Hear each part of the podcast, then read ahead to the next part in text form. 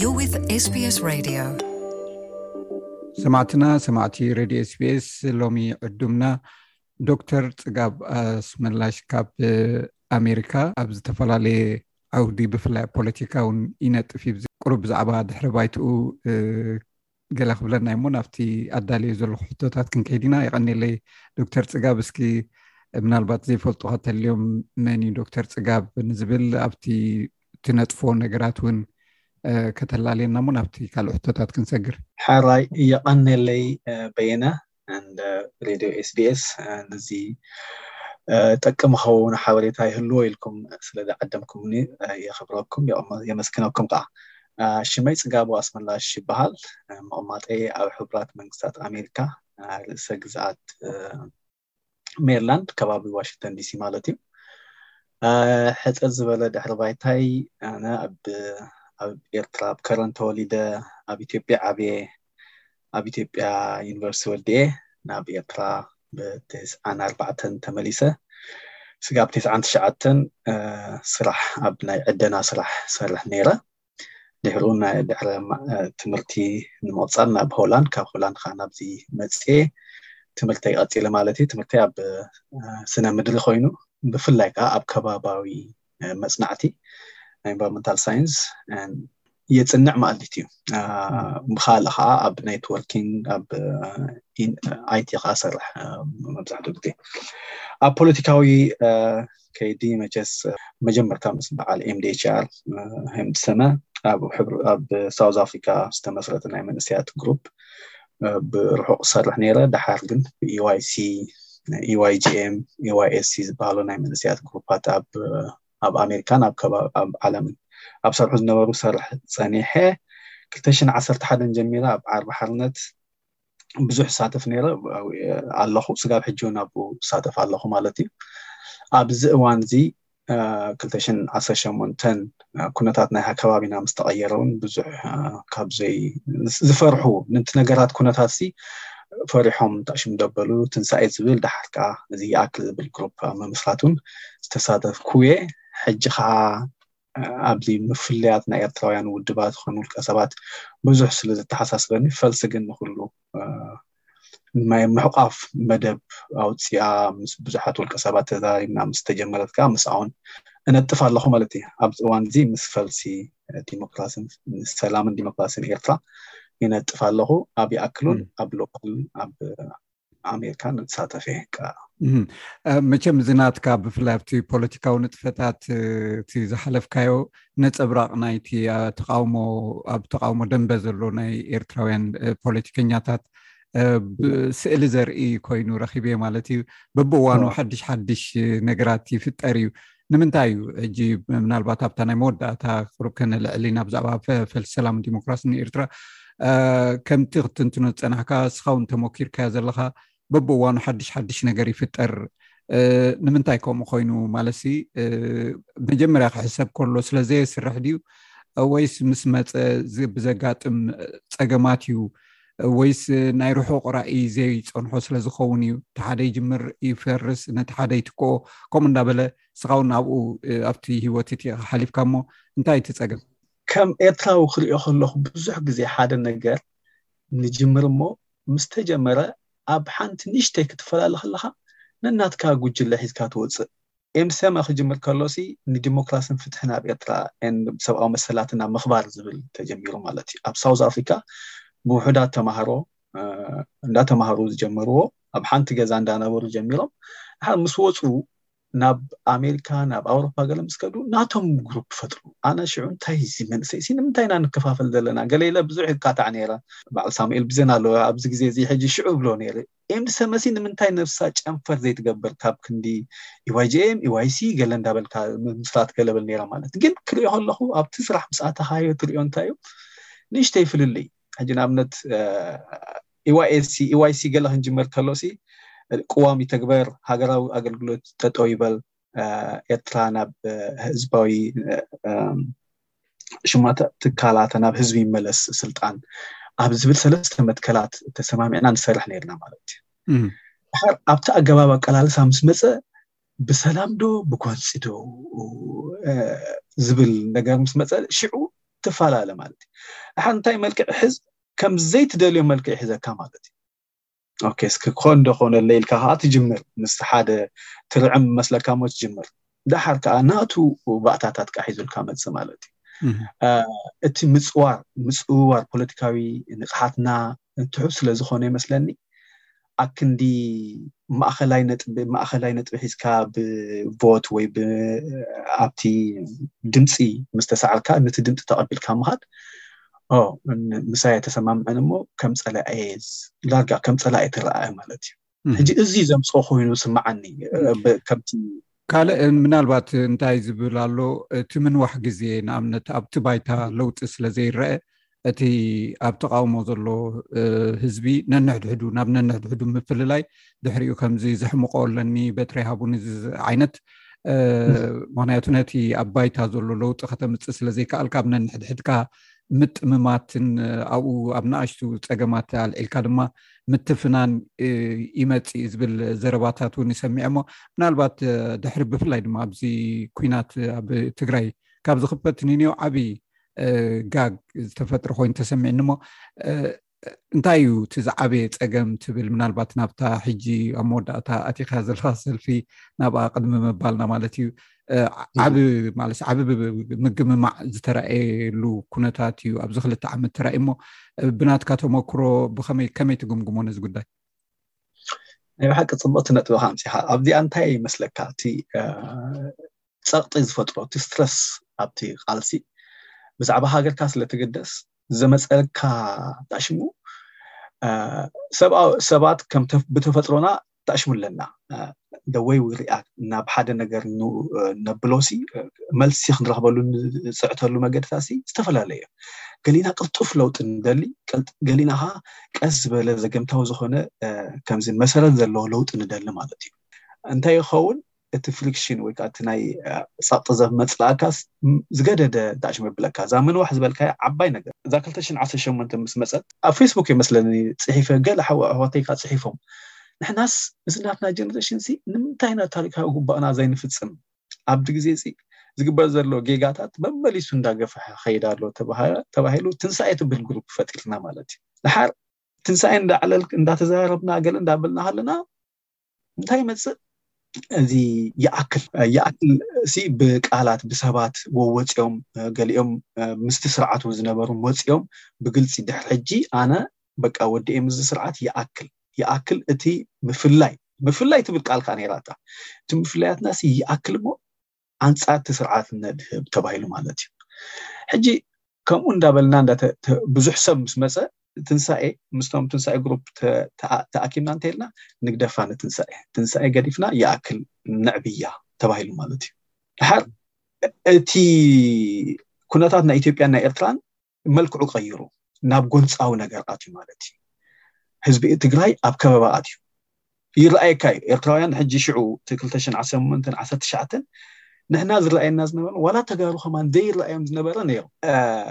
እዚ ኩነታት ናይ ኣብይ ናይ ኢሳያስን ሲ ናብ ገለ ከምርሓና ከም ዝኾነ ንዛረብ ነርና ማለት እዩ ሽዑ ኣይ ሪመምበር ተጋሩ ነጋዱ ናይ ትግራይ ናብ ኤርትራ ከዱ ነይሮም ኦ ዋላ ሕወሓት እውን ብንታሽሙስ ይኣምነሉ እዩ ማለት እዩ ገሌልካ እንታይ ይኹ ከም ኤርትራዊ ስካፈታ ትመፅእ ማለት እዩ መንእሰይ ክወፅኡ መብዛሕተን ደቂ ኣንስትዮን ዘለዋ ሕጂ እቲ ዲሞግራፊውን ክቅየር ኢልካ ከዓ ስግኣት ፈጢሩና ማለት እዩ ሕጂ እቲ ስግኣት ናብ ጎንፂ ምስ ተቀየረ ግን ናይ ድሓርቲ ከባባ እንዳመፀ ምስ ከመፀ እቲ ሰብኣዊ መሰል እቲ ሰብኣውነት ሲ መፀካ ማለት እዩ ከመይ ገይሩ እዚ ህዝቢ እዚ ንምንታይ ይኽበብ ሓደ ኦፍኮርስ ተዋጊእና ኢና ተስዓን ሸሞንተን ብሓባር ኮይና ከዓ ናፅነት ናይ ኤርትራ ኣምፂና ኢትዮጵያ ናብ ዲሞክራሲያዊት ሃገር ፌደራላዊት ሃገር ንክሰጋገር ተገይሩ እዚ ኩሉ ሓሊፉ እዩ ተስዓን ሸሞንተን ከዓ ተዋጊእና እሞ ሕጂ ግብረ መልሲ ናይዚ ሲ ከበባ ናይ ህዝቢ ትግራይ ይመፅእ ኣለዎ ኣብ ዝብል ከዓ ፍልልይ መፅእ ማለት እዩ ሕጂ ገሊኡ ፒር ሂማኒቲ ኣለካ ምሽ እዚ ሲ ክኸውንን ዘይግብኦ ኣብ ሲርያ ራሽያን ኣሜሪካን ክዋግኣ ከለዋ ዳርጋ ኣብኡ ትዋግኦ ዝነበራ ሲ ንኩላትና ዊኣር ኦል ሲርያንስ ንብል ነርና ዝከራልካ እንተኮይኑ ንምንታይ ናይ ሰብኣዊ መሰል ናይ ሰባት መሰል ግፈፍ ስለ ዘሎ ኣብ ፈረንሳይ ፀለምቲ ክንታሽሙ ክብል ከሎ ዊኣር ኦል ፍሬንች ኢልካ ከዓ ተላዒልና ነርና ሕጂ እዚ ኣብ ጎጎ ደበና ክመጽእ ከሎ ግን ዝገደደ እንተ ኣሽም ኣቢልና ገለ ገለ ኤርትራውያን ግን እንታይ ተራእይዎም እቲ ናይ ተስዓን ሸሞንተን ዝነበረ ኩናት ንዕኡ ዘምጽኦ ምስጓግ ኤርትራውያን ምርሳይ ኤርትራውያን ንብረት ናይ ኤርትራውያን ኣብ ኢትዮጵያ እዚ ኩሉ ዝፈጠሮ ከዓ እንታይ ኮይኑ ኣብ መንጎ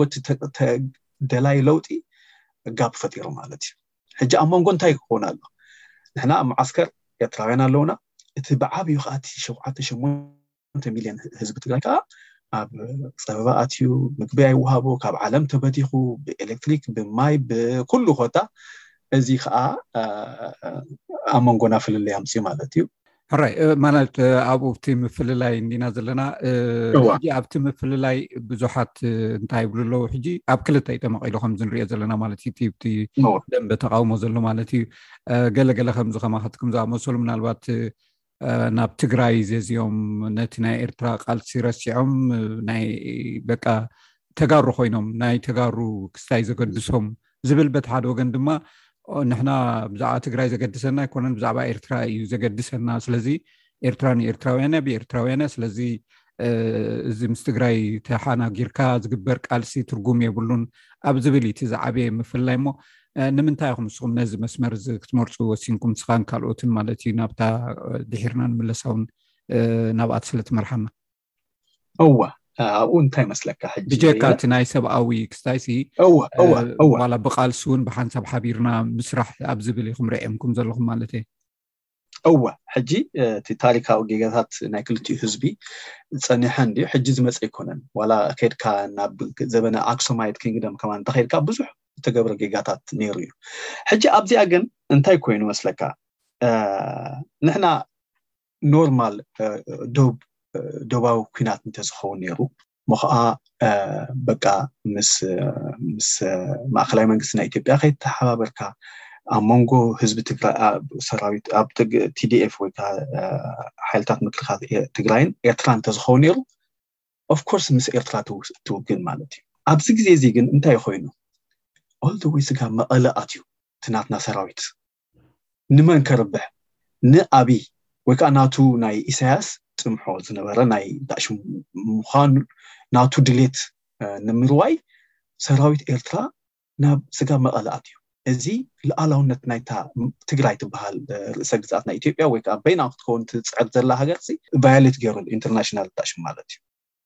ንሕና ሰራዊት ኤርትራ ይውፃእ ኢና ካብ መጀመርታ ዝንብሎ ዝነበርና ሰራዊት ኤርትራ ኣብዚ ኣብ ዘይምልከተና ኣሕዋትና ይሞቱ ኣለዉ ሰብ የበሳብሱ ኣለዉ ጠጠው ክብል ኣለዎ ዝብል መርገፂ ወሲና ማለት እዩ ሕጂ እቲ እንታይ ዘሎ ሕጂ ንሕና ኢንቬድ ጌርና ራሻ ንዩክሬን ኢንቬድ ምስ ገበረት ዳጋ ሱሳ ሽሕ ገለ ዝኾኑ ራሻውያን ኖ ኢሎም ሆ ኢሎም ዳሽምቢሎም እዮም እዚ ንምንታይ እዩ ሓደ እታ ሃገር ኣብ ዘይምልከታ ኩናት ኣትያ እሞ ከዓ ነቲ ህዝቢ ከዓ ተራስዮ ምስ ረኣኻ ኦፍኮርስ ዩል ቴክ ሳይት ካልኣይ ከዓ ንህዝቢ ኤርትራ እዚ ኣብ ሕጂ ኣብ ትግራይ ዝሓለፈ ዓመትን ኦልሞስት ክልተ ዓመት ተገይሩ ዘሎ ሲ ኣብ ኤርትራ ከዓ ዳርጋ ዕስራ ዓመት ተገይሩ እዩ ኣሕዋትና ተደፊረን ኣሕዋትና ከም ኣቦታትና ዘይምሱ ረኪቦም ተጋዲሎም ክንሶም ንእስነቶም ኣሕሊፎም ክንሶም ኣብ ዒራ ዒሮ ተቐርቂሮም እዚ ኩሉ ኣብ ኤርትራ ዝተገብረ ኣብ ትግራይ ይግበር ተረኣያ እሞ እዚ ሲ ናይ ሓባር ፀላኢና እዮም ህግደፍ ማለት ሓባራዊ ፀላኢ ናይ ህዝቢ ትግራይን ኤርትራን ኣብዚ ግን ምናልባት ቋርፀካ ማለት ንሕወሓት ማለት ከም ፀላኢ ኢብን ዋላ ህዝቢ ትግራይ ኣብ ገሊኡ ማለት እዩ ዝተወሰነ ክፋል ናይቲ ሕብረተሰብ ከይቅበሎ ይኽእል እዩ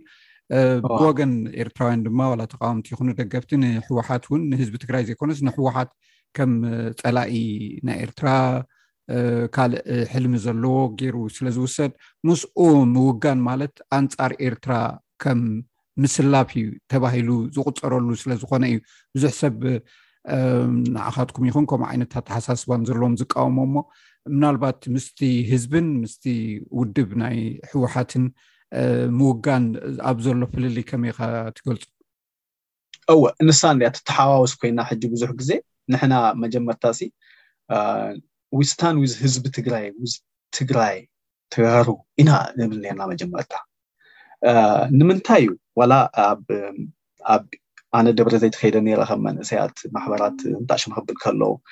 ብዙሓት ውድባት ናይ ኤርትራውን ኣብኡ ነረን እቲ ዝድለ ዝከኣል ዘበለ ስራሓት ኣይተሰርሐን ብናቶም ጌጋታት ናቶምን ጌጋታት ነሩ ናትናውን ጌጋታት ነሩ ማለት እዩ ሕጂ እቲ ፅልኣት ክመፅእ ናይ ግድን እዩ ማለት እዩ ንሕወሓት ዘተኮረ ፅልኣት ክመፅእ ንምንታይ እቲ ሓደ ኩሉ ግዜ ከም ታሽሙ ዝሪኦ እንታይ እቲ ስርዓት እንታይ ይብል ሲኣይኤን ወያነን ንሕና ከዓ ወያነን ህግደፍን ንብል ማለት እዩ ሕጂ ኣብኡ ኣብኡ ፍልልይ ኣሎ ንኣብነት ሓደ ናይ ኤርትራ መሰል ናይ ኤርትራውያን መሰል እውን ናይ ኤርትራ ዲሞክራሲያዊት ምኳን ናይ ኤርትራውያን ግቡእ እዩ ኤርትራን ብኤርትራውያን እንተዘይበልና እውን ግቡእና ከም ዝኾነ ክንፈልጦ ዝበኣልና ነገር እዩ ማለት እዩ ሽርክነት ምግባር ኣብ ሱዳን ሲ ስቴብል ዝኾነ መንግስቲ እንተዝህሉ እኮ ዓብዪ ነገር እዩ ንዓና ምስኦም እውን ክንተሓጋገዝ ትኽእል ኢኻ ማለት እዩ ሕጂ ካብ ኣሜሪካ ንስኻ ካብ ኣውስትራልያ ኮይናስ ኣብ ኤርትራ ክነምፅኦ ንኽእል ለውጢ ብጣዕሚ ከቢድ እዩ ንምንታይ ሓደ ኣብቲ ከባቢ የለናን ካልኣይ ምስቲ ህዝቢ ቀጥታዊ ርክብ የብልናን ትኽ ዝበለ ርክብሲ የለን ሕጂ መንጠሪ ባይታ የድልየካ ኢሉ ዝሓሰበ ኤርትራዊ ነይሩ እዩ ዝሓለፈ ዕስራ ዓመት ማለት እዩ ዋላ ንሱ ሕጂ እንታይ መፅኡ ገለ ባእታታት ከዓ መፅኦም እዮም ርእዩ ዝኾነ ትግራይ ትግርኝ ዝብል ኣግኣዝያን ዝብል ግሩፕ መፅኡ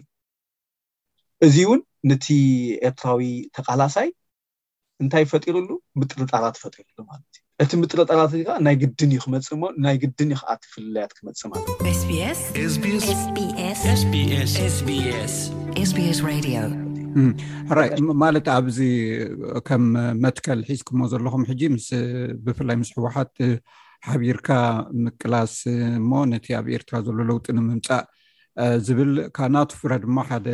ሰልፊ ሰላም ሰላምን ዲሞክራሲን ኤርትራ ዝብል ሓደ መስሪትኩም ኣለኹም መቸም ብዙሕ ሰልፍታት እንዩ ዘሎ ኣብዚ ኤርትራ ምናልባት ታ ዝደሓረት ወይ ከዓ ኣብዚ ቅሩብ ግዜ ዘበለት ዝመስረትኩማ እያ ኣብዚ ሓደ ካብቲ ዘውፃእኹሞ ፅሑፍ ዘንበብኮ እንታይ ዝብል ኣሎ ኣብ ውሽጥን ወፃእን ኤርትራ ፖለቲካውን ወተሃደራውን ሃገራዊ ሓይሊ ዝፈጠረ እንዳሰፍሐን እንዳዓበየን ዝኸይድ ዘሎ ሓይሊ እዩ ዝብል ረኺበሞ ወታደራዊ ሓይሊ ኣለኩ ማለት እዩ ኣባይት ኣበይ ዘሎ እወ ሕጂ ዝፀንሑ ኣሎ ወታደራዊ ንታሽሙ ኣሎ እንዲቡ ዝፀንሑ ናይ ውድባት ኣለው ሕጂ ዋላ ኣብኡ ዝፀንሑ እውን ኣለው ከም ኣብ መዓስከራ ዝፀንሑ ኣለው ሕጂ እዚኦም ክቃለ በቃ ኤርትራስ ክንቃለሰላ ንደሊ ኢና ኣብ ኤርትራስ ለውጢ ክመፅእ ኣለዎ ኢሎም ስለዚ ዝሰርሑ ኣካል ዘለዉ ናይዚ ፈልሲ ሕጂ- ሰላምን ዲሞክራሲን ኤርትራ እዩ ማለት ድዮም ንሳቶም ንክኾኑ ኢና ንፅዒ ዘለና ንሕና ኣብ ደገ እንዲና ዘለና እዎ። ቀንዲ ከዓ ምስ ህወሓት እንተዘይተባሃለ ፅቡቅ ይመስል ምስ ቲዲኤፍ ወይ ከዓ ሓይልታት ምክልኻል ትግራይ ቢካዝ ሰልፊ ናፅነት ዝበሃሉ ኣለዉ ናቶም ባይቶና ዝበሃሉ ኣለዉ ኩሎም እውን ኣብኡ ኣብቲ ቃልሲ ኣለዉ ኣብዚ ናይ ወታደራዊ ጎንፂ ኣብ ምእላይ ኣብ ትግራይ ንዘሎ ፀበባ ምእላይ ሲ ኣለዉ ብዝኾነ ግን ህወሓት እዩ ዝመርሖ ዘሎ ነቲ ቲዲኤፍ ሕጂ ህዝቢ ትግራይ ከኣ ንዕኡ እዩ መሪጹ ዘሎ ማለት እዩ። ንሕና ምስ ህዝቢ ትግራይ ሓቢርካ ምስራሕ እያ ትብል። ምስ ሓይልታት ምክልኻል ትግራይ ካብኦም ክንረብሖ ንኽእል ረብሓታት ተጠቒምና ከኣ ኣብ ኤርትራ ለውጢ ንምምጻእ ድሉዋት ኢና ወይ ከኣ እታ ቀዳምነት ግን ኣብታ ቀዳመይቲ ኣስሚርናላ ዘለና ነገር ግን እንታይ እያ? ኤርትራዊ ልኣላውነት ዘኽበረ ሕጂ ኩለን ጥርናፈታት ክመፃ ክእላ እንዴን ሰለስተ እንታሽሙ እዩ ዘለና ሓደ ኣብ ኤርትራዊ ሉዓላዊ ኤርትራ ሉዓላውነት ናይ ኤርትራ ዘኸበረ ቀዳማይ ህግደፍ ከም ቀዳማይ ፀላኢ ገይሩ ዝወሰደ ሳልሰይቲ ከዓ ምስ ህዝቢ ከባቢታት ብፍላይ ከዓ ምስ ህዝቢ ትግራይ ሓቢሩ ክሰርሕ ድሉው ዝኾነ እያ ትብል ማለት ሕጂ ኣብዚ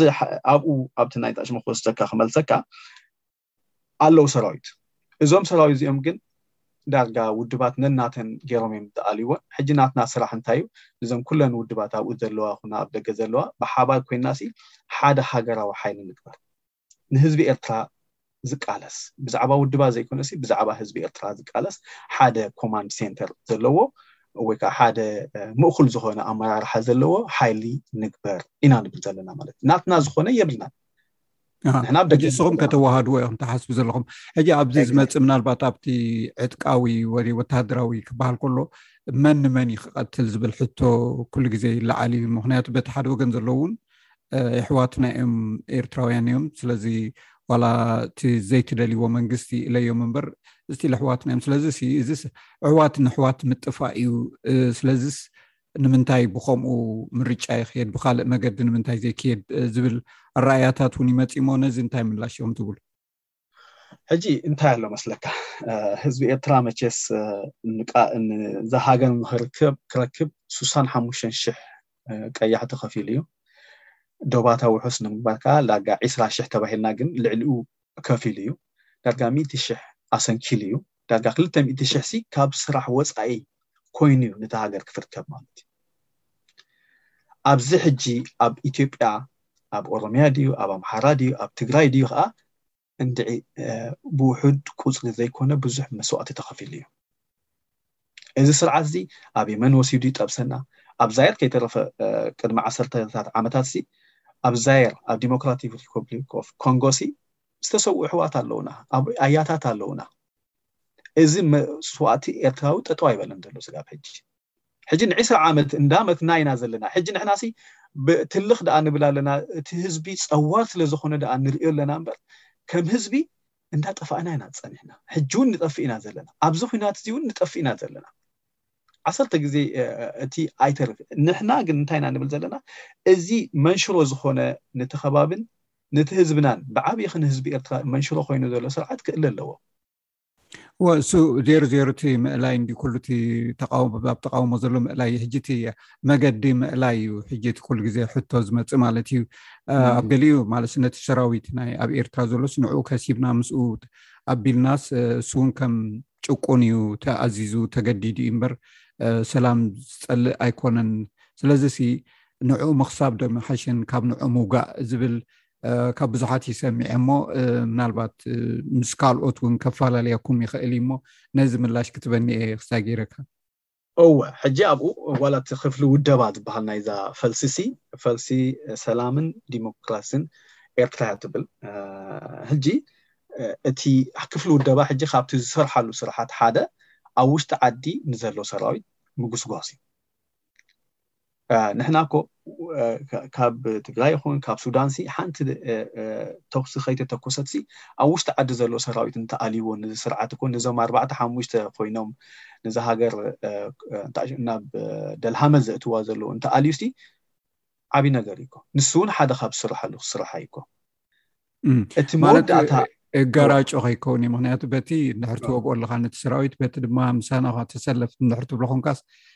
ቃዶዶ እዩ ትሕቶ እሞ ምናልባት ኣብዚ ተቐባልነቱ ሲ ክሳብ ክንደይ እዩ ኣብቲ ሰራዊት እውን ተኣማንነት ክትረክብ ተኾንካስ ኒ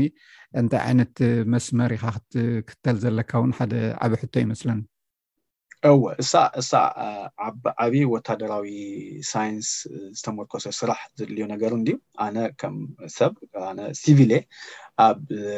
ሲቪክ እንዳ ሽሙዮን ሰርሕ ዘለኹ ግን እንታይ ኣሎ ሓደ ሰራዊት ተገዲዱ ድዩ እንዳሽሙ ድዩ ሕጂ እውን ይመውት እዩ ዘሎ ማሲ ኣብ ኦሮሞ ቅተል ኣሎ በምሓራ ቅተል ኣሎ ብትግራይ ቅተል ኣሎ ንምንታይ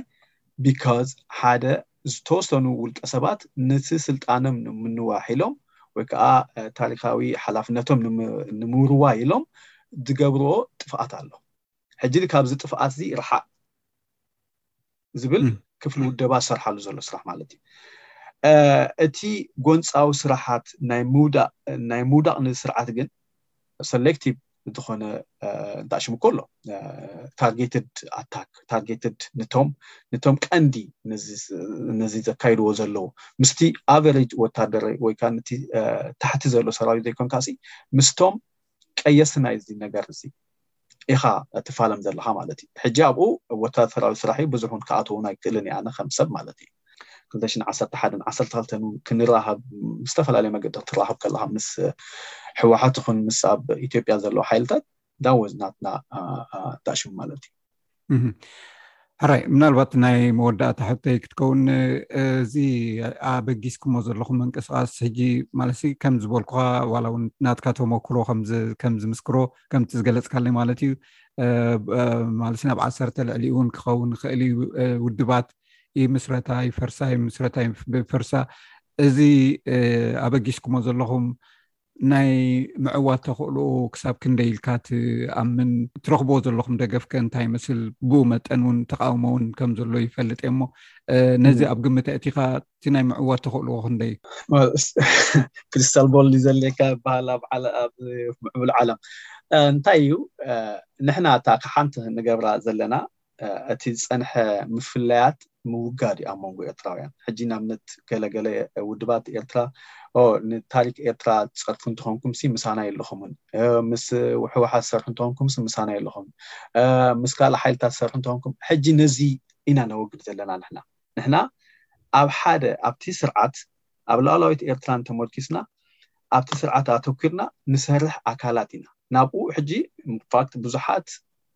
ተበቲኖም ዝፀንሑ ሓይልታት ነናቶም ውድባት ዘካይዱ ዝነበሩ ሓይልታት ከም በዓል ብሩህ መፃኢ ሓድነት ንፍትሒ ኤርትራውያን ንፍትሒ እዘን ስሙር ግንባር ዝበሃሉ ናይ ኤርትራ ሓይልታት ኣብኡ ዘለዎ ንዞም ኩሎም ኣፕሮች ኢና ንግበሮም ዘለና ብሓባር ኢና ክንሰርሕ ንፅዕር ዘለና ሕጂ ኣብ ክንዲ ናትካ ዳሽሙ ዘይኮነሲ ብሓባር ኮንካ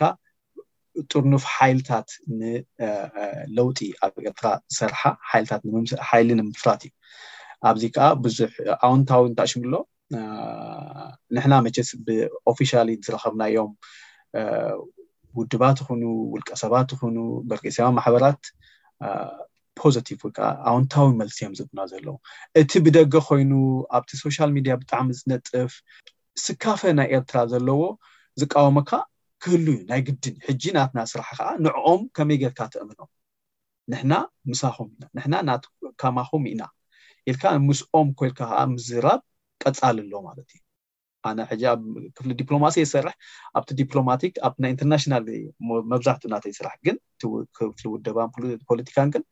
ቀንዲ ስርሑ ዘሎ ሶፋር ስጋብ ሕጂ ዝግበር ዘሎ ንዕኦም ኣፕሮች ምግባር ንዕኦም ምቕራብ ቀሪብካ ብዛዕባ ፈልሲ እንታይ እቲ ሓሳብ ናይ ፈልሲ ምርግጋፅ እዩ ኣነ ኣወንታዊ እንታሽሙ ይረኣየኒ ግን ኩሉ ግዜ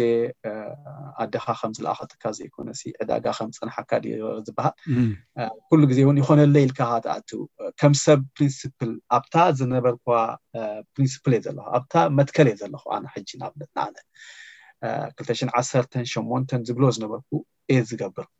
እቲ መብዛሕትኦም ምሳይ ዝሰርሑ ከማን ንሳ እዮም ዝብሉ ግን ኣብቲ መወዳእታ እኩብ ኮንካ ተምፅኦ ግን